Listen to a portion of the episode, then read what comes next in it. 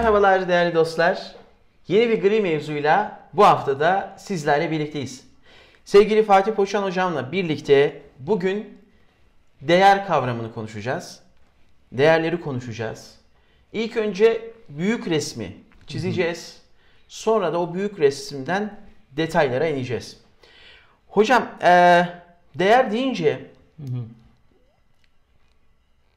kültürlerin, ülkelerin, toplumların, insanların kendi içerisinde e, muhafaza ettiği ve aslında onları bir şekilde de hayata tutunmalarını sağlayan çok önemli bir e, konu olarak düşünüyorum. Yani e, işte bir e, tuğla için harç neyse e, ülkeler, insanlar, kültürler için de ben değerin bu anlama geldiğini güzel. düşünüyorum. Çok güzel. Ee, bunu böyle ifade ettikten sonra sen değeri nasıl tanımlarsın? Senin bakış açında değer Hocam- nedir? Evet. Çok süper bir giriş yaptın. Hakikaten de öyle yani. Toplumun çimentosu. Aynen öyle. Harcı çimentosu. Hocam bir toplumda bulunan insanların büyük çoğunluğu tarafından e, kabul gören, benimsenen, nesilden nesile aktarılan tüm duygu, düşünce, davranış ve e, temel ahlak kurallarına biz değer diyoruz. E, insanlar topluluğu dedim. Bu bir küçük işletme de olabilir. Dünyanın bütünü de, bütünü de olabilir. Ne demek istiyorum? Mesela güler yüzlü olmak. Yani işletme sahibisindir. Üç tane tezgahtarım vardır. Hepsi o kadar. Döner dersin ki bizim en önemli değerimiz arkadaşlar müşteriye güler yüzlü davranmak. Güler yüzlü davranmak. Dünyanın neresine giderse gitsin bir insan görmek isteyeceği ve toplumlarında beslediği bir değerdir. O yüzden eee, insan topluluğu dediğimiz zaman en küçüğünden en büyüğüne hepsini algılayabiliriz. Eee, değerler ahlak temellidir hocam. Mutlaka ahlaki bir kaynaktan beslenir ve gün sonunda insanlara neyin doğru, neyin yanlış, hangi davranışın iyi, hangi davranışın kötü olduğunu ifade eder. Mükemmel bir hayatı idealize eder. Değerler. Şimdi e, Robert e, Edgerton diye bir adam var ki bu Amerikalı psikolog ve kültür antropoloğu. Adam bu değer konusunu dert etmiş kendisine. 300 tane tarihten uygarlık incelemiş hocam. 300 tane uygarlık. Ve şu neticeye varmış. Bir toplum eğer değerlerine sahip çıkarsa hayatiyeti devam ediyor.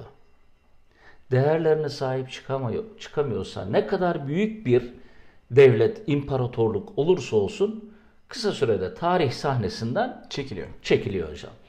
Bunu Birleşmiş Milletler görmüş. Ee, 1995 yılında daha iyi bir dünya için değerlerimizi paylaşalım sloganıyla hocam 12 tane evrensel e, değer ortaya koymuş. Nedir bunlar? Şöyle hızlıca okuyayım. İşbirliği, özgürlük, mutluluk, dürüstlük, sevgi, alçak gönüllülük, barış, saygı, sorumluluk, sadelik, hoşgörü, birlik demiş. Bizim demiş dünyamızın temel değerleri bunlardır demiş. Ee, değerler ahlak temelli dedik hocam. Hocam buraya bir parantez açayım mı? Lütfen Tabii. sözünü unutma. Tabii. Harika noktaları tespit etmiş. Ee, ama hani UNESCO'yu oluşturan şeylere de ülkelere de baktığımızda e, bunları tespit ederken aslında ne kadar da zıt hareket ettiklerini de görüyoruz değil mi? O aklıma geldi. Ee, hocam ben barışı görüyorum burada. Hocam, alçak hocam Aristo'nun bir lafı var. Aristo der ki eee, barış zayıf toplumların isteyeceği bir değerdir. Hmm. Şimdi güçlü toplumlar zayıf toplumlara bunu öneriyor da bir değer olarak. ya, ya. Acaba güçlü toplumlar zayıf toplumların gerçekten barış olması barış içinde olmasını istiyor mu? Evet. Bu üzerine dikkat nazarıyla durulması bir Ve- gereken bir konu iyi tespit ettim. Ve bir şey daha söyleyeyim. E, bu insan psikolojisinde de vardır. İnsan kendinde ne eksikse Hı hı. e, eksik olanı e, yansıtmak ister. Evet. E, ben burada onu da gördüm. Evet. Evet, evet. Evet. Bravo. Yani o psikoloji burada da var sanki. Evet. Pardon. Ee, hocam ahlakın amacı ne? Ahlak temelli dedik değerler. Ahlakın amacı ne? Ee, Helen uygarlığından alalım. Ee, bunu Sokrat dillendirmiş. Batı'da Nietzsche'de son noktayı koymuş. Üstün insana ulaşmak. Üstün insan. Ee, bizim uygarlığımızda ise Muhyiddin Arabi tarafından e, dile getirilen insanı kamil anlayışı var. Daha sonra bu insanı kamil anlayışı tasavvufun temel e, konularından biri olmuş. Dolayısıyla ahlakın amacı insanı insanı kamile ulaştırmak. Dolayısıyla değerler de tamamen buna hizmet eden müesseseler aslında. E, değerlerin ilk oluştuğu yer neresi hocam? Aile. Yani çocuk içinde yetiştiği aileyi, aile bireylerini, başta anne ve babası olmak üzere rol model kabul ediyor. Onların sahip oldukları, sergilemiş oldukları değerleri taklit ederek kendi anlam dünyasındaki değerleri oluşturuyor. Harika. Yani değer sözle, ifadeyle bir yere kadar değil mi? Çok güzel bir nokta. Taklit ederek, görerek o değerleri içselleştirebilir. Tabii hocam yani e, hal lisanı dediğimiz bir hadise var. Aynen. Sen ancak hareketlerinle gerçekten örnek olabilirsin. Sözlerinle değil. E, sigara içme oğlum deyip de sonra sigara yakan babanın etkinliğini düşün. Aynen. aynen. E, şimdi hocam burada bir soru soracağım ben değerli dostlarımıza. Diyeceğim ki iyi bir insanda bulunması gereken vasıflar sizce nelerdir? İyi bir insanda bulunması gereken vasıflar. Sence ne hocam? Hocam, e, iyi bir insanda bir kere dürüstlük olmalı. Çok güzel. E, onun haricinde hak, adalet duygusu olmalı. E, diğer kam olmalı. iyi çok bir güzel. insan. E, hem hal olmalı. Çok güzel. E, yardımsever olmalı. E, iyi bir hoşgörülü olmalı. E, saygı e, şeyini, müessesesini Sevgi ve saygıya sahip evet, olmalı. onu bunu evet. en ön planda tutmalı söyleyebiliriz. Kötü bir insanın özellikleri nedir hocam? Ya kötü insan hocam Size de soruyorum bunu. Kötü bir insanın özellikleri, vasıfları sizce nedir? tamam. Buna cevap vermeden önce bir kötü insanla alakalı bir açılım yapmak istiyorum. Hocam insan iyilik üzerine yaratılıyor. Hı hı. Ee, ve e, insan ama kötü olmaya meyilli de bir varlık. Evet. Ama özünde hep iyilik vardır. Fıtraten iyilik. Fıtratını Üzere hep yaratılıyor. hep Çok iyilik güzel. vardır. Ee, ama dediğim gibi uygun koşullar, ortamlar, o bahsettiğimiz değerler Hı. e, kendisinde e, yer bulmadığı zaman kötülüğe meyilli olur. Evet. Ee, kötü bir insan e, merhametsiz bir insan. Yani merhamet duygusu içinde azdır. Ee, işte e, yardımsever değildir. Ee, it seviyesinde e, egoya sahiptir. Ee, hep önce ben duygusu vardır. Ee, kötü bir insan işte kendi çıkarı doğrultusunda hareket eder. Sadece kendi menfaatini İnsanlara düşünür. zarar verir. Yalan Diğer söyler. canlılara zarar verir. Evet, Yalan evet. söyler. Sahtekarlık yapar değil mi hocam? Evet, evet. evet. Peki sevgili dostlar, acaba iyi bir eğitim, fazlasıyla para, şan, şöhret veya kart vizitte yazan şeyler acaba iyi ve kötü insanın özellikleri arasında var mı? Oo, Saydık mı hocam? Çok güçlü. Hiç saymadık bunları. Ya. Değil mi? Parayı falan Aklımıza bile gelmedi. saymadık. Evet ya. İyi bir insan deyince aklımıza para gelmedi. Para gelmedi. işte Ya. akademik gelmedi. Peki o zaman Çok- bir- çok acayip. Üçüncü bir soru. O halde madem ki iyi veya kötü insanın özellikleri arasında bu maddi değerler yok. Biz neden? Biz neden? Parası olana, rütbesi olana, ünvanı olana, sözde soyu sopu itibariyle saygınlığı olana haddinden fazla ilgi gösteriyoruz da sokaktaki sıradan insanı, pazardaki pazarcıya, marketteki kasiyere, parası pulu olmayan garibana hatta daha da ileri gidiyorum anamıza babamıza gereken ilgiyi göstermiyoruz. Yani daha başlangıçta aslında değerlerde bir sapma var hocam. Daha başlangıçta. Evet, yani evet, çocuklarımızı evet, evet. Yetiştirmeye başladığımız andan itibaren onlara yanlış bir kıymet kodlaması yapıyoruz. O zaman bir başka soru geliyor. İnsanın kıymetini günümüzde ne ölçer hocam? İnsanın kıymeti. Günümüzde mi? Evet. Hocam insanın kıymetini biraz önce saydım. Para, statü, Evet. mevki, makam, bindiği araba, oturduğu ev. Güzel. Şu Onu şöyle ölçüyor. toparlayayım. Hocam benim kıymetim sana sağladığım faydayla Değil ölçülür. mi? Menfaat. Heh. Tabii tabii. Menfaat fiilen var veya olma ihtimali var. Benim sana sağladığım veya senin bana Tabii, sağladığın tabii. faydayla ölçülüyor. Yoksa bana faydan benim nezdimde kıymetsizsin. Bir de Maalesef an değil mi? toplumun şu anda içine düştüğü hal maalesef bu hocam. Şimdi değerlerin yerine her artık öyle bir noktaya gelmişiz ki her zaman maddi kıymetleri koymaya başlamışız. Bu neyi beraberinde getirmiş? Çok kısa sürede para kazanma, köşeyi dönme, iyi bir etiket sahibi olma, güzel bir kızla evlenme, yakışıklı bir insanla evlenme, soyu sopu itibariyle toplumda saygınlığı olan insanlarla iletişim haline geçmeye evrilmiş. Bu noktada kimse şunu sorgulamamaya başlamış. Ahlaklı mı? Dürüst mü? Özü sözü bir mi? Verdiği sözü tutar mı? Güvenilir mi? Yardımsever mi? Az önce söyledin hocam diğer kam mı?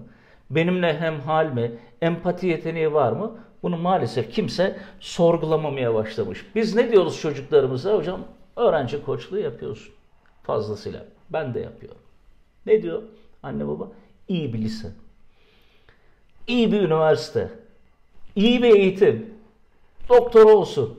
CEO olsun. Çok para kazansın. Hedef bu. Kaç tane anne baba sana geldi?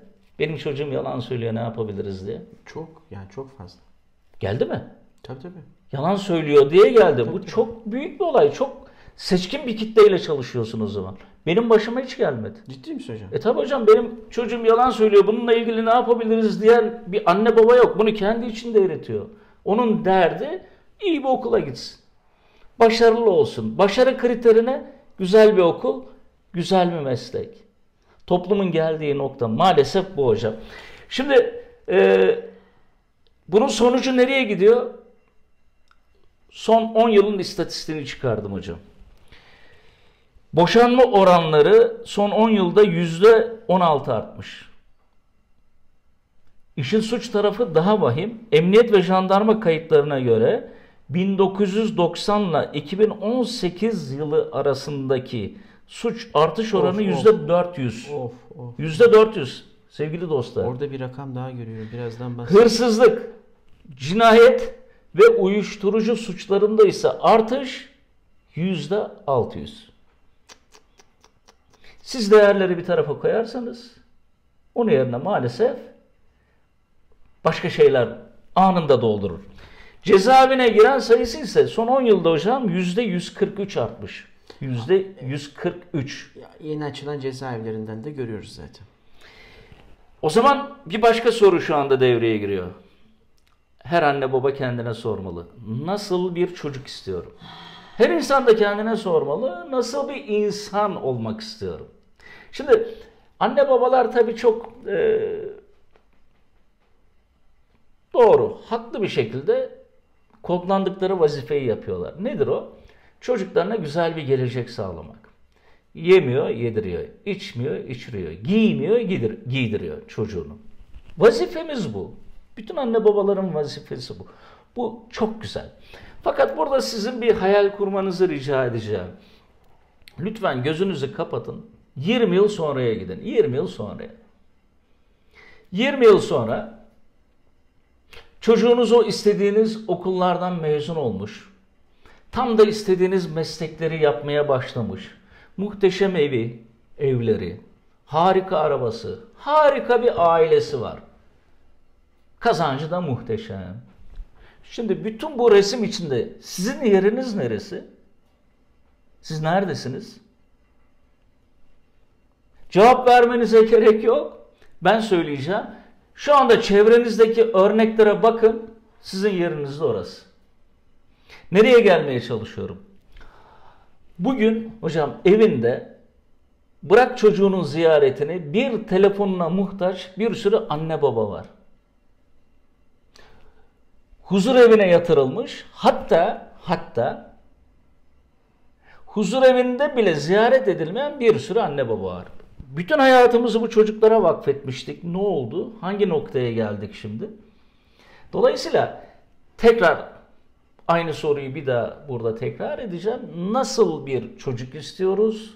Nasıl bir insan olmak istiyoruz? Çünkü bunun cevabı nasıl bir toplum olduğumuza bizi götürecek. Beslendiği kaynak orası çünkü. Evet hocam yani düşünsene toplum artık öyle bir hale gelmiş ki sahtekarlık, dolandırıcılık, hırsızlık, efendime söyleyeyim köşe dönmecilik, neme lazımcılık, Adam kayırmacılık. ya nobranlık, kabalık, yolda omuz atıyor, sen özür diliyorsun bir de dönüp bakıyor niye özür diliyor, ne oldu ki?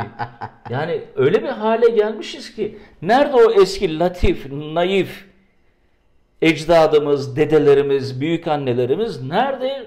Şimdi biz, sokaktaki biz. Çok acayip bir yere hakikaten evrilmişiz. Şimdi bir sürü dünya savaşı yaşamışız değil mi? Yani bir ve iki demişiz de onun öncesinde de pek çok dünya savaşları olmuş. Sömürgecilik, kölelik, emperyal güçlerin Afrika'da, Amerika'da, Hindistan'da, Uzak Asya'da yaptığı mezalimler, Yahudi soykırımı, Holocaust'ta anne ve babasını kaybeden insanların bugün Orta Doğu'da Orta Doğu'yu kan gölüne çevirmesi bile maalesef bize örnek olmamış. Yani dünya süratle acayip bir yere gidiyor ve iyi bir yere gitmiyor. Fakat bunların hiçbirinden biz maalesef ders çıkarmamış. Şimdi e, Allah Resulü, Peygamber Efendimiz bir gün tavafta. Buraya dikkat. Tavaf yaparken bir anda duruyor. Dönüyor Kabe'ye ve çevresindeki insanların duyacağı sesle Kabe'ye şöyle sesleniyor. Ey Kabe, sen ne kadar güzelsin. Senin kokun, senin azametin, senin kutsallığın ne kadar güzel. Ancak Allah'a yemin olsun ki bir kulun, bir insanın saygınlığı senin saygınlığından daha yücedir. Hocam nasıl bir laf ya bu? İnanılmaz bir şey. Yani Kabe yeryüzündeki ilk bina. Kabe yeryüzündeki ilk ibadethane. Kabe bir rivayete göre iki, bir rivayete göre üç defa yapılmış. Nuh tufanından sonra Hazreti Adem tarafından yapılıyor. Nuh tufanından sonra e, Hazreti Nuh tarafından yapılıyor. Daha sonra Hazreti İbrahim tarafından tekrar temelli bulunarak e, inşa ediliyor gibi rivayetler var onunla ilgili.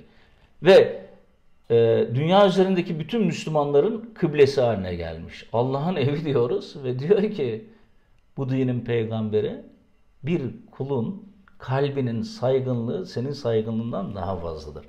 Yani insan işte insanı kamil olma yolundaki insan yaratılmışların en muhteşemi. Daha önceki programlarımızda da söyledik. Allah Kur'an-ı Kerim'de demiyor mu? Biz insanı en mükemmel şekilde yarattık. En mükemmel şekilde yaratılan insanın bugün sokaktaki halini az önce nacizane e, resmetmeye çalıştım. Bir şey diyeceğim. Şimdi konuyu çok dağıtmak istemiyorum. Ee, hani bahsettiğin çerçevede hocam aslında şunun da ayrımını yapmak lazım. Yani bunun detayına belki sonra da girebiliriz. Şimdi beşer ve insan arasında fark var. Ee, şu bahsettiğimiz hani olumsuz anlamda değerlere sahip olmayan biraz önce işte toplumun içerisinde bulunduğun tamamen beşer özellikleri gösteren varlıkların aslında bir çıktısı. Ee, şimdi kimin söylediğini hatırlamıyorum ama çok güzel bir sözü var. Diyor ki et, kemik, kas herkeste var. Hı, az sonra oraya Ama geleceğim. Bravo. öyle mi? Tabii tabii Ha, devam et lütfen. Tamam. Ya, yürek Heh, heh. ve iyi niyet eee, asıl asıl olan. Süper. İşte insan biraz önce Peygamber Efendimizin de ifade ettiği gibi daha üstte eee, var olan o beşer duygularından, o beşer özelliklerinden biraz daha imtina etmiş, e, nefsi emmare hani nefsin kademeleri var ya. Ya o oralarda o mücadelelerini yapıp o insan e, çatısına gelebilmiş varlıklar. Yani o yüzden e, orada da bunu bir ayrım olarak ifade etmek Çok istedim. güzel hocam. Ee, yine daha önceki programlarımızda ifade etmiştik. İnsan dediğin gibi et ve kemikten mamul değil hocam. İnsan beden, akıl ve ruhtan oluşan muhteşem bir denge üzere yaratılmış. İnsan hangisini beslerse o tarafı kuvvetli, diğer tarafları zayıf kalıyor. Ama dedik ya insan en muhteşem varlık ve bir denge üzerine yaratılmış. Bu dengeyi hayatı boyunca sağlamaya devam ederse içinde yaşadığı toplum ve dünya da denge içinde oluyor. E bunun için ne yapmak lazım? Ya sen bedenini beslemek için ne yapıyorsun? Gıda alıyorsun. Bugünkü insanların çoğunun yaptığı şey o. Yalnızca bedenini beslemek. Farkındalığı biraz yüksek olan, bilinci biraz yüksek olan aklını da besliyor. Akıl neyle beslenir? Bilgiyle. Bilgiyle. Ama çok az insan toplumumuzda ruhunu besliyor. evet. Çok az insan. Ruh neyle beslenir? İnançlarla. İnanç dediğimiz zaman içinde din var. Ama yalnızca din değil. Bunun altını çizmek isterim. Yalnızca din değil. Yani ne? İnsanın bireysel ya da içinde yaşadığı toplumsal anlamda en iyi ahlaka götürecek olan değerlere inanması da bir inançtır. Yani inancın içinde hem din var hem ahlakla birlikte değerler var. Siz dini bir kenara koyup yalnızca ahlakla giderseniz hesap vereceğiniz kimse kalmaz. Bir süre sonra ne yaparsınız? Yoldan çıkarsınız. Siz ahlakı bir yere koyar, dini alırsanız, e, din zaten ahlak üzerine bina edilmiştir. Yanlış dinin peşindesinizdir demektir. Dolayısıyla mutlaka dinle birlikte ahlak beraber gitmelidir diyorum. Peki biz ne yapmışız değerler anlamında? Burası ilginç. Birleşmiş Milletler'den hocam 15 yıl sonra 2010 yılında bizim aklımız başımıza gelmiş. Demişiz ki ya bizim de bir değerlerimiz falan vardı. Hadi bakalım çocuklarımızı eğitelim. Ya çok ilginç ya. Ya sen bir değerler toplumusun. Ya. Kadim bir uygarlığın var. 2010 yılında aklın başına geliyor. 2010 yılında hocam Milli Eğitim Bakanlığı'na bağlı okullarda değerler eğitimi başlamış. Yani bugün şimdi seninle otursak değerlerimizi yazsak hakikaten buradan köye yol olur. Dedik ya kadim uygarlığın kadim değerleri vardır. Ve çok değeri vardır. Fakat Milli Eğitim Bakanlığı e, bunu 31 başlık altında toplamış. Şimdi hızlıca birkaç tanesini okuyayım. Mesela sevgi, sorumluluk, empati, adil olma, cesaret, liderlik, e, aile birliğine önem verme, vatanseverlik, bağımsız ve özgür düşünebilme, kültürel mirasa sahip çıkma, paylaşımcı olma, şefkat, merhamet gibi devam eden 31 tane değeri bugün Milli Eğitim Bakanlığı okulların müfredatını almış. Bunların hepsini incelemek mümkün değil hocam. Hepsi için ayrı program yapılmalı hatta bir program bile yetmez. Ama ben kısaca 3 tane evrensel değerden bahsedeceğim. Bir, hoşgörü. Hoşgörü bugün e, ya küçücük bir işletmeden tutun koca koca holdinglere kadar. Efendime söyleyeyim ülkeleri yöneten cumhurbaşkanlarına, krallara, kadim uygarlıkların efendime söyleyeyim imparatorluklarına, evde anne babaya hatta küçük çocuğa varıncaya kadar herkesin dilindedir. Ama maalesef hiç kimsenin, hiç kimsenin demeyelim. Çok az Abartmayalım. kısmın. Çok az insanın kalbine inmiştir hoşgörü maalesef. Yine burada ilginç örnekler vereceğim hocam. Ee, Mekke fethediliyor. Mekke'nin fethinden sonra Kabe'nin ilk muhafızı, ilk bakıcısı kim? Bir gayrimüslim hocam. Bir gayrimüslime Kabe teslim ediliyor. Çünkü Allah Resulü diyor ki en iyi bu yapar. Ben tanıyorum. Yıllardır da çok güzel yapıyor. Hoşgörüye bakar mısın ya? Ee, kardinal külahı görmektense Osmanlı sarığı görmeyi tercih ederiz diyen bu cümleyi Bizans'a söyleten bir uygarlığın mensubuyuz. Bu beni çok gerçekten gururlandırıyor. Hocam bugün bile her gün yüzlerce insanın ama savaş ama terör sebebiyle öldüğü Orta Doğu'yu biz yüzyıllarca barış içinde yaşatmışız. Hoşgörüyle. Bizim coğrafyamızda 14 tane, dikkat et hocam buraya, Hristiyanlık, 3 tane Musevilik mezhebi varmış.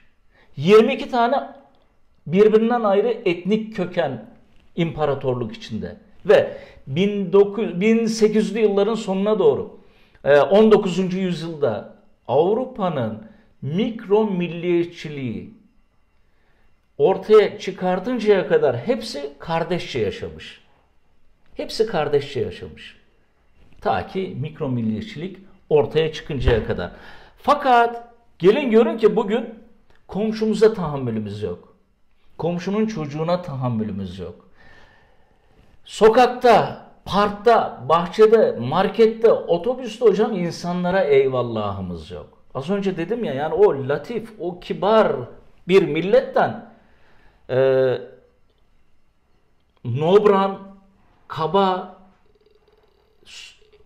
elinden dilinden her an zarar görebileceğiniz insanlara evrilmişiz. Yani bu noktada hoşgörü başta olmak üzere mutlaka değerlerimize dikkat etmemiz şart hocam. Ee, hocam iki cesaret. Ee, cesaret de tıpkı hoşgörü gibi tüm toplumlar, tüm ülkeler tarafından elbette e, benimsenmiş ve e, vatandaşları tarafından sahip olması, olunması istenen bir değer. E, cesaret öyle bir değer ki Napolyon şöyle tarif etmiş. E, taklit edilemeyen tek e, değer cesarettir diyor. Taklit edilemeyen tek değer. Cesaret tabi korkusuzluk hali değil. Korkuya rağmen korkuyu yönetip insanın doğru bildiğini yapması. Hmm. Hatta Göte'nin böyle çok güzel bir sözü var. O aklıma geldi hocam. Diyor ki cesaret korkmamak değildir. Korkularına rağmen hı hı. adım atmaktır, hı hı. ilerlemektir. Evet. Aynen öyle hocam. Ee, cesaretin bir ötesi şecaat. Hmm. Şecaat nedir? Zarar göreceğini bildiğin halde zarar göreceğini bildiğin halde doğru bildiğini yapmaya devam etmektir.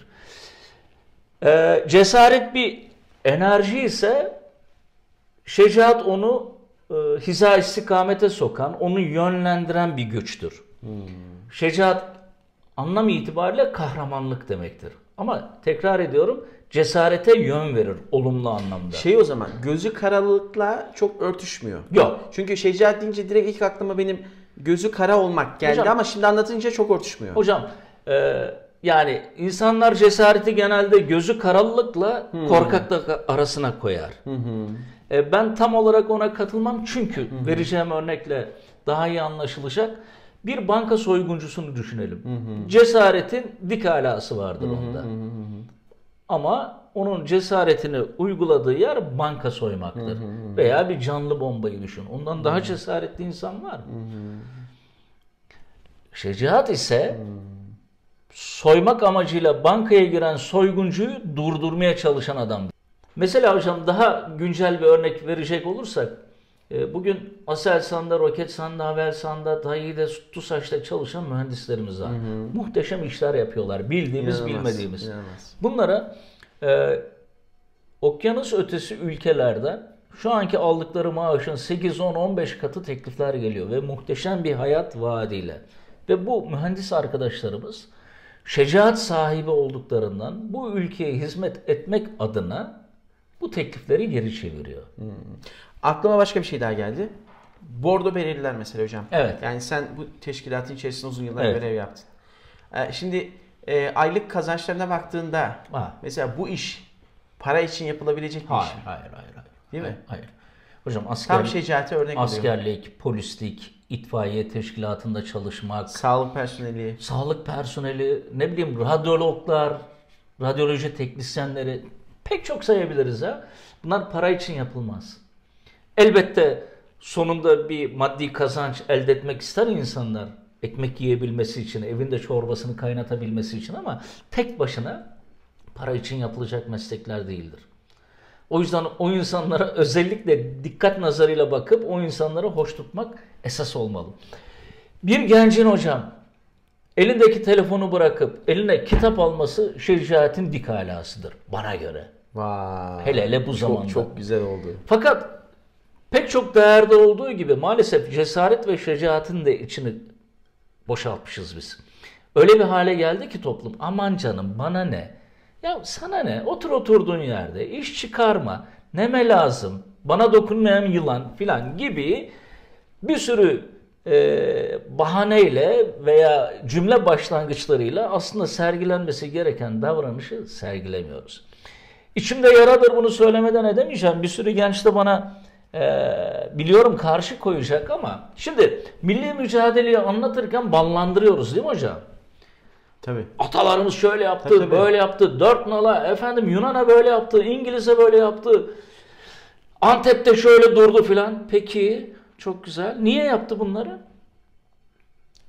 Bir para da yoktu ortada. Hatta neyle beslen Yokluk içerisinde. neyle beslendiklerini de Tabii kavurga. övün, övünerek anlatıyoruz. Peki onların torunları vicdanı red diyerek bugün askerlik yapmak istemiyor.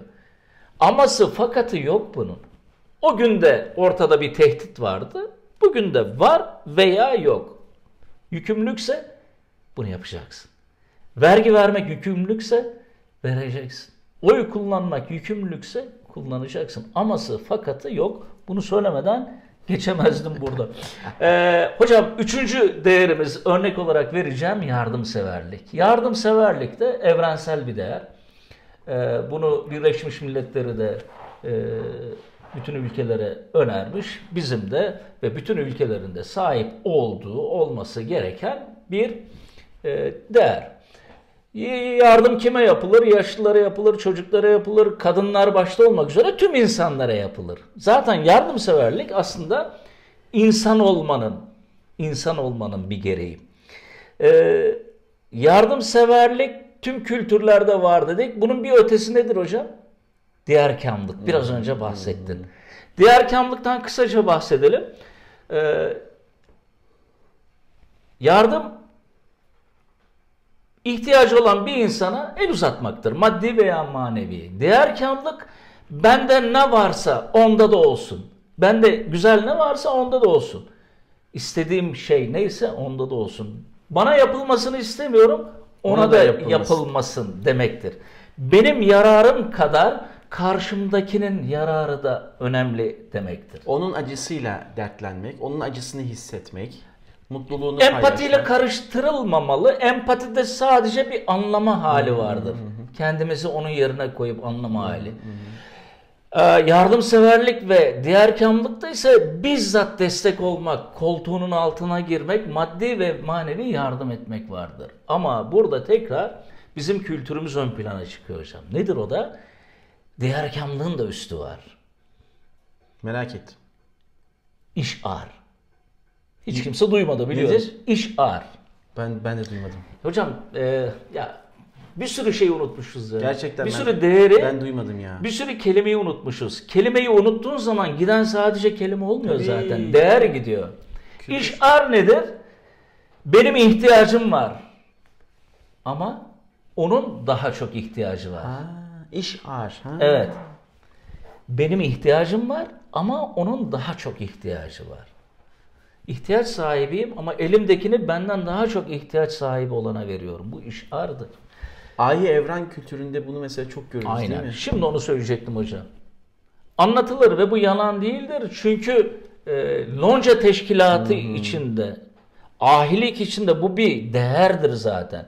Ben siftah yaptım, komşum yapmadı. Lütfen ona gidin. Ya işte- Müşteriyi yönlendirmek. Şimdi ne yapıyoruz? Hocam şimdi yani Ya. şu anda Bu gülüş bir şey ifade etmiyor. evet, evet, evet. tam tersi. Tam tersi e, o komşuyu rakip gibi görüp Evet. onu aşağıya Batırmak, çekmeye tabii. çalışıyoruz. Bilmiyor ki hangi gemidesin. Evet. Hocam şimdi burada ilginç örnekler vereceğim müsaadenle. Dedelerimiz bu yardım işini son derece nezaket ve let- letafetle yapmış. Yine burada okuyacağım müsaade edersen. Bir defa vakıf kültürü bizi ifade eden bir kültür. Bugün e, Batı dünyasında da e, zenginlerin vakıfları var. Yani Bill Gates'e bakıyorsun bir sürü vakıf var. E, sağlık kuruluşları da aşı yapan kuruluşlar da bunlardan biri. Ne maksatla bu vakıfları kuruyorlar çok da emin değilim. Ama ecdadımızın kurduğu vakıflara bak. Leylek Vakfı hocam. Göç yolundaki kuşların herhangi bir sorundan dolayı yeryüzüne inmesi üzerine harekete geçen insanlar var. Gidiyor, kuş alıyor, besliyor, onarıyor, tekrar uçmasını Sadece sağlıyor. leyleklere. Hocam inanılmaz ya. Sokakları ve duvarları temizleme vakfı. Borcundan dolayı hapse düşenlere yardım vakfı. Bakar mısın? Şuraya baksana nasıl. Parasını düşüren çocuklar var. İnanılmaz ya. Parasını düşüren çocuklar var. Ya evet ya. Fakir kızlara çeyiz vakfı. Vay be. Fakirlere et vakfı, fakirlere meyve vakfı. Bu çoğaltılabilir ya. O kadar çok ki. Sokaktaki çeşmelerin kurnalarını tamir etme vakfı. Efendime ya adamı düşünebiliyor musun? Elinde bir tane sepet var. Sepetin içinde ne? Kireç. Öbür elinde de uzun bir tane kaşık. Bu adam ne yapıyor biliyor musun hocam? Sokak sokak dolaşıyor yere tükürenlerin tükürünün üzerine. Hayvan pisliklerinin üzerine kireç atıyor. Böyle bir vakıf var ya. Ya yardımseverliğin ulaştığı noktaya bakar mısın? Ya bu, bu örneği burada vermek ne kadar doğru olacak? E, Fransızlar da tüy dikiyor hocam. Ha. Tüy dikmeyi biliyorsun değil mi? Evet evet tabii canım. Hocam sadaka taşları duydun mu? Tabii tabii. Heh. Sadaka taşlarının e, kökeni Selçukludur hocam. Bir, bir buçuk metre yüksekliğinde taşlar düşünün değerli dostlar. Üstünde birazcık oyukluk var. İnsanlar ihtiyaç sahibi insanların onuru zedelenmesin diye nakdi veya ayni yardımlarını o sadaka taşının üstüne koyarmış. İhtiyaç sahibi insanlar da gece karanlığında gider alırmış ihtiyacı kadar. Bazen günlerce sadaka taşındaki paraya el süren olmazmış. Çünkü oradan bir fakir geçmezmiş. İstanbul'da ben bu sadaka taşlarını bazı camilerin böyle bahçelerin uzak köşesinde falan gördüm. Dikkatinizi çekmiştir. İnternette de bol bol örnekler var. Kültüre bakar mısın hocam? Evet. Acayip bir şey ya. Bir elin verdiğini diğer el görmeyecek. Evet. Ya şimdi şeyden örnek verdik. e, esnaftan örnek verdik. Hangi noktadan hangi noktaya geldiğimize bak hocam. Komşumuz şu anda açlıktan ölse bizim haberimiz yok. Alttaki komşumun ihtiyaçlarını bilmiyorum. İhtiyaçlarını bilmeyi bırak. Gerçi ben tanıyorum Allah'a şükürler olsun. Eşim sayesinde güzel bir komşuluk ilişkimiz var da çoğu insan alt katta oturan komşusunu bilmez. Karşılaştığımız yegane yer asansörler, onda da birbirimizin yüzüne bakmayız. Oysa komşu komşunun külüne muhtaç diye bir laf vardır. Onun da çıkışı çok güzel, anlamlıdır. Fazla vakit almayalım. Ee, komşuluk hukukuyla ilgili bir program bile yapabiliriz hocam. Yani Çok komşuluk önemli. o kadar Hocam, önemli bir müessese önemli. ki. Çok Evet. önemli. Ve e, yavrularımız şimdi o, o duygulardan da çok uzaklaşıyorlar. E, am- ama şey de vardı şimdi neyse oraya çok girmeyeceğiz ama aklıma gelmişken söyleyeyim. Mahalle kültürü kalmadı hocam. Kalmadı. Mahalle kültürü o da bizim değerlerimizdendi. Kalmadı. E, çünkü büyük büyük binalar olunca o Evet. mahalle kültürünü kaybettik. Öyle olunca da komşuluk zedelendi. Evet. Aslında ne var biliyor musun Fatih hocam? Yani bir tane sandığın üstünde oturuyoruz. Hı hı. Oturuyoruz. Ve millete diyoruz ki cebimde para yok. Bana para ver deyip direniyoruz. Aslında kalksak o sandığın kapağını Hı. açsak Tabii canım. içinde müthiş bir hazine olduğunu Tabii, tabii, hazinenin tabii. üzerinde Tabii, oturuyoruz tabii, ya. tabii, tabii. Ama işte Tabii. e, bugün şu paylaştığın konular o kadar önemli ki. Evet. Bu hazineyi hatırlatan şeyler. İşte hazineyi ilk önce hatırlamamız, sonra farkına varmamız ve bizim sahip çıkmamız lazım. Evet. Boşuna dileniyoruz. Çünkü müthiş bir hazinenin Harika. üzerindeyiz biz. Hazineden bir örnek vereceğim sana. Şimdi sevgili dostlar ya değerlerle ilgili çok konuşabiliriz ama süreyi de epey açtık biliyorum ben. Ee, o yüzden burada keseceğim ama bir konu var ki ona değinmeden edemem. Dil konusu, konuşma konusu, Of. lisan konusu. Hocam bir soru. Stres ne demek? Hazineye geldik şimdi. Stres. Ama hocam şimdi sen hazırlıksız. Şimdi stres ne demek? Şöyle söyleyeyim. Ee, herhangi bir olumsuz durum karşısında e, vücudun hormonlarının gösterdiği tepkime Tepki. Bir gerilim hali. Gerilim hali Çok vücuda güzel. insana zarar veren çağımızın hastalığı. Çok güzel.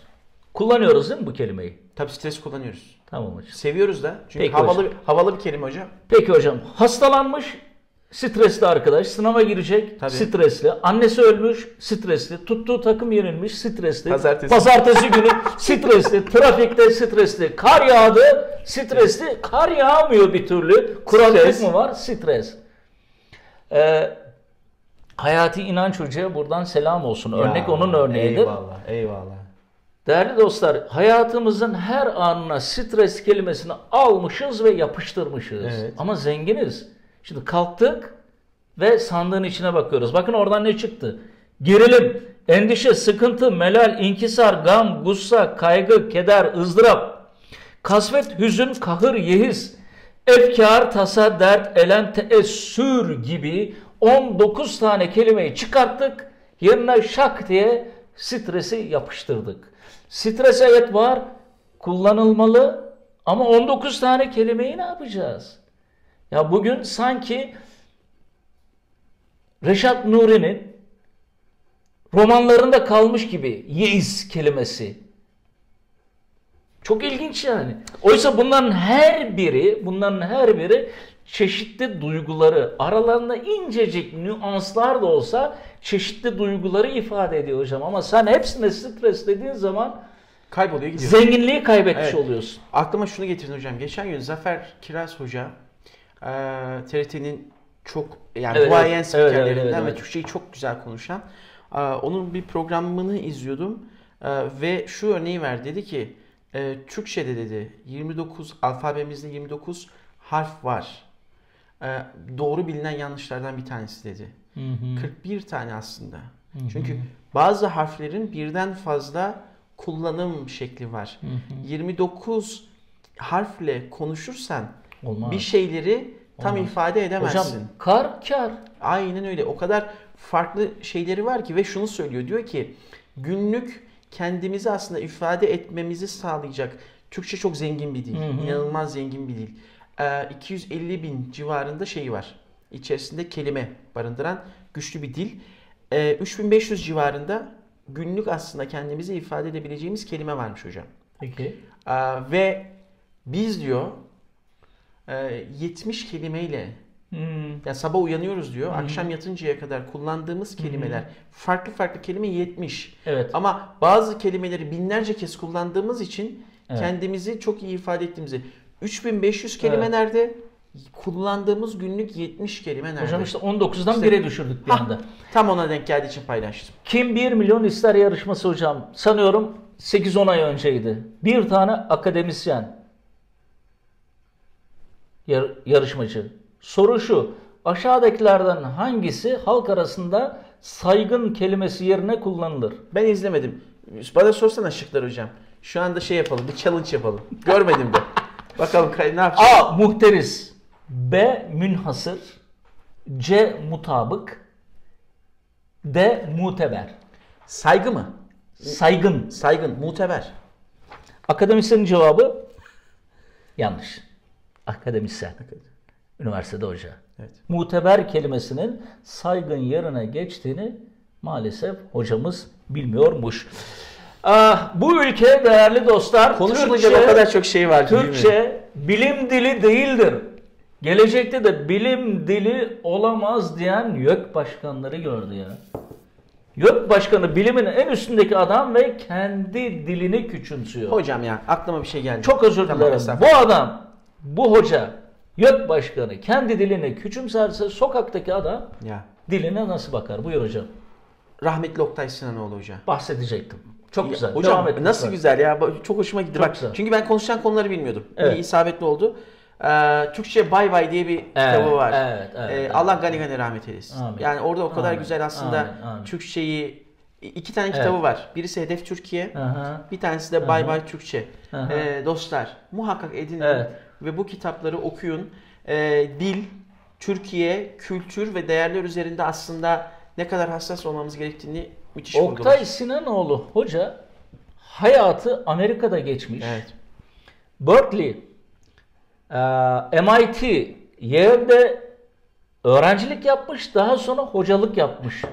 Zamanında dünyanın en genç profesörlerinden biri Bir sürü kuramı var. Dünya çapında bir bilim adamı. Adam Türkiye'ye geldiği zaman rahmetli Türkçe son kaledir bu kaleyi de kaybedersek Türkiye'yi kaybederiz diyen bir adamcağızdı. İki tane kitap yazdı. Allah gani rahmet eylesin. Ee, çeşitli televizyon programlarına çıktı ama çok ciddiye alınmadı. Hocam Türkçe o kadar zengin bir dil ki bunu okuyacağım müsaadenizle bakın. Çok ünlü bir dil bilimci var. Max Müller. Lütfen bunu araştırın. Türkçe hakkında şunu söylüyor. Türkçe dil bilgisi kitabı okumak, bu dili öğrenmek niyetinde olmayanlar için bile gerçek bir zevktir. Türlü dil bilgisel biçimlerin belirtilmesindeki ustalık, ad ve eylem çekimi sistemindeki düzenlilik ve bütün dil yapısındaki saydamlık ve kolayca anlaşılabilme yeteneği insan zekasının dil aracılığıyla beliren üstün gücünü kavrayabilenlerde hayranlık uyandırır.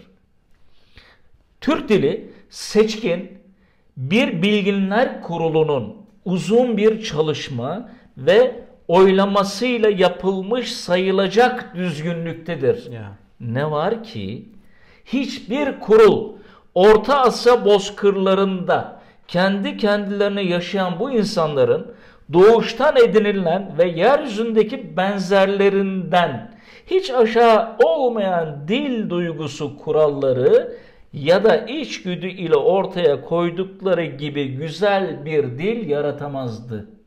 Türkçe hakkında söylüyor bunu. Azıcık İngilizce bilenlere soracağım. İngilizceyi sana öve öve bitiremez. Kelime sayısından girer bilmem neden çıkar.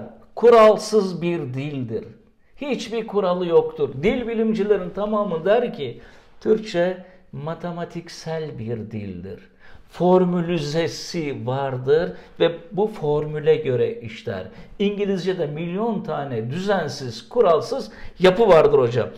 Ee, Oktay Sinanoğlu'nu burada rahmetle analım. Hayati İnanç Hoca'ya da bir Ya. selam çakalım. Evet sağlık saati. Hocam gibi. az önce 70 kelime dedin. Evet sıradan bir insan günde 70 tane kelimeyle konuşuyor. Daha eğitimli bir insan, daha hayatın içinde bir insan 400 kelimeyle konuşuyor. Ortalama bir İngiliz ise 2000 kelimeyle konuşuyor. O kırık dökük diliyle 2000 kelimeyle konuşuyor. Yani dilimizin ne hale getirildiğini bunu e, ifade edebiliriz. Burada bir anekdot söyleyeceğim hocam. De Gaulle Fransa Cumhurbaşkanı Ankara'yı ziyarete geliyor. Kendisine bir sunum yapılıyor. Ankara Belediye Başkanı, dönemin belediye başkanı şu cümleyi kuruyor.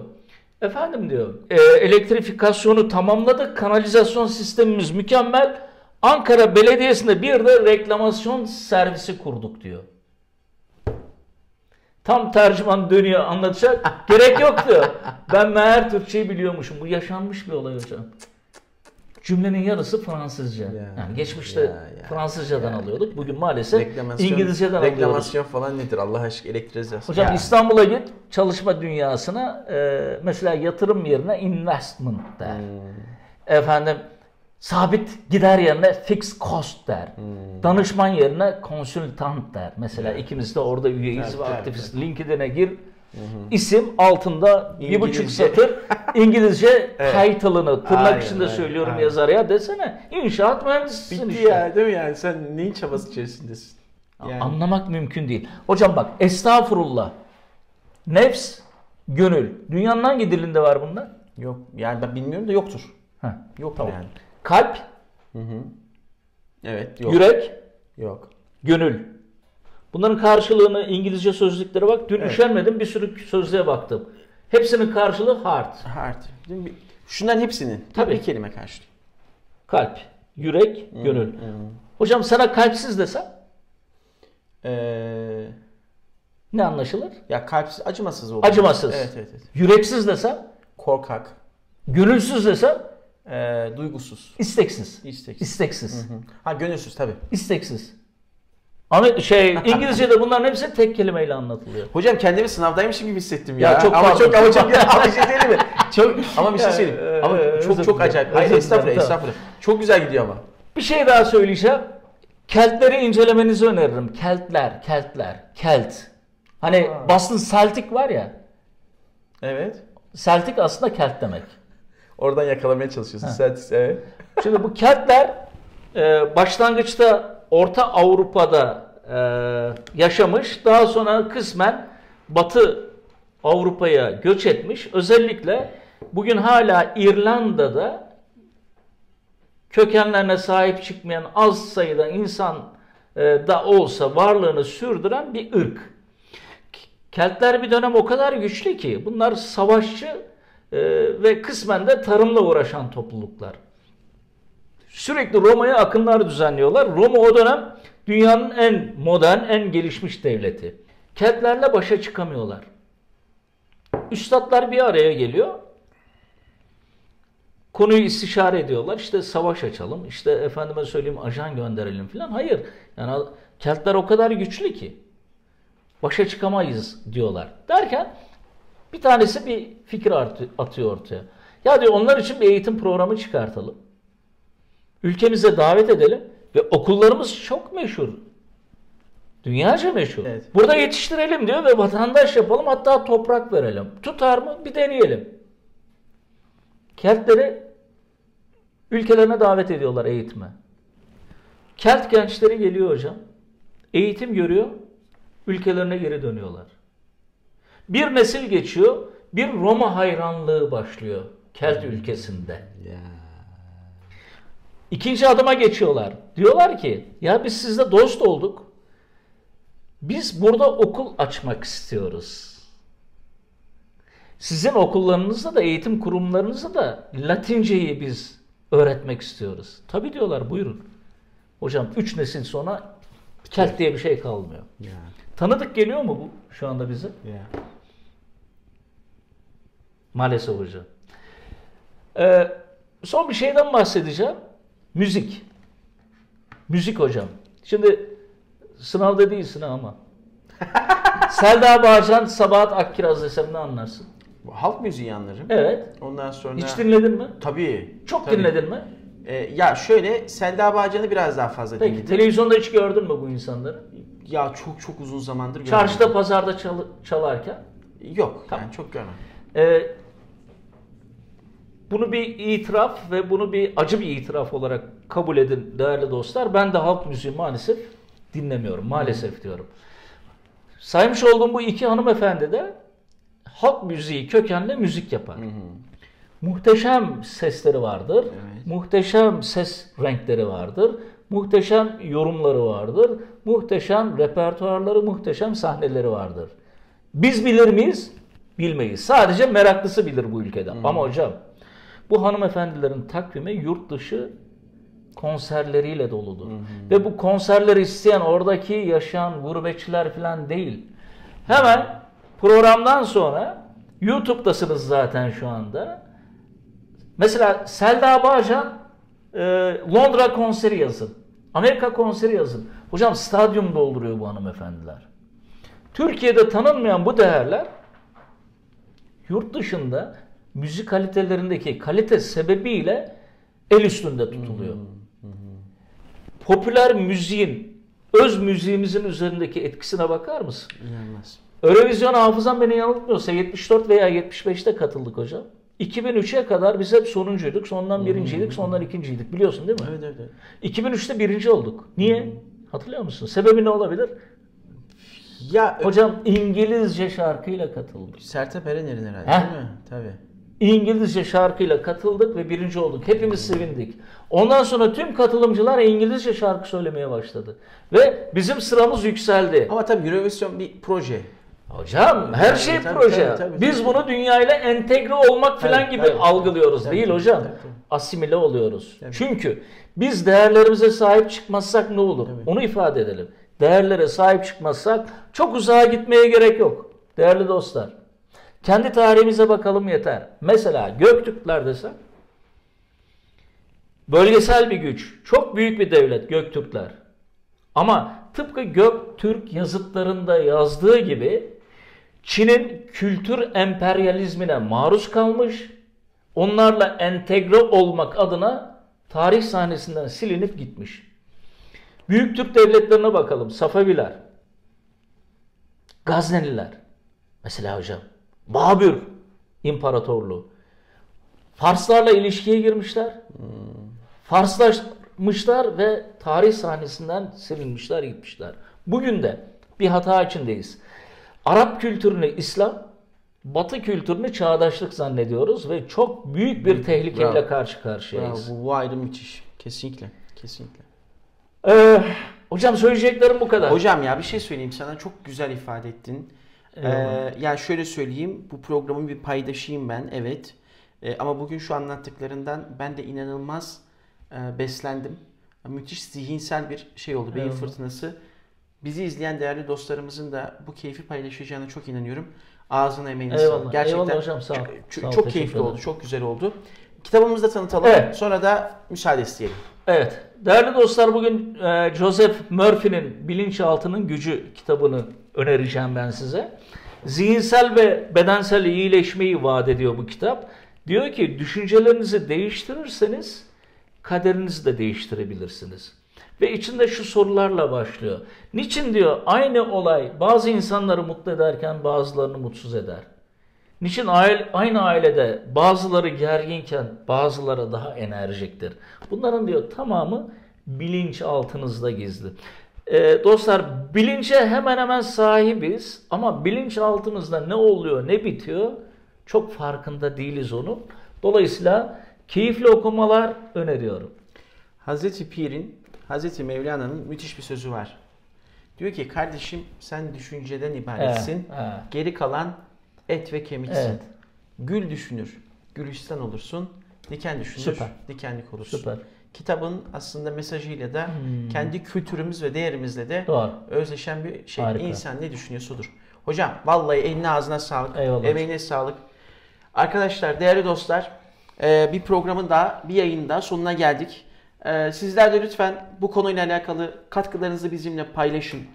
Yeni bir e, çalışmaya başlıyoruz. Gri Bülten. Evet. Evet. sosyal medya hesaplarımızdan duyurularımızı yaptık. Instagram hesaplarımızdan yaptık.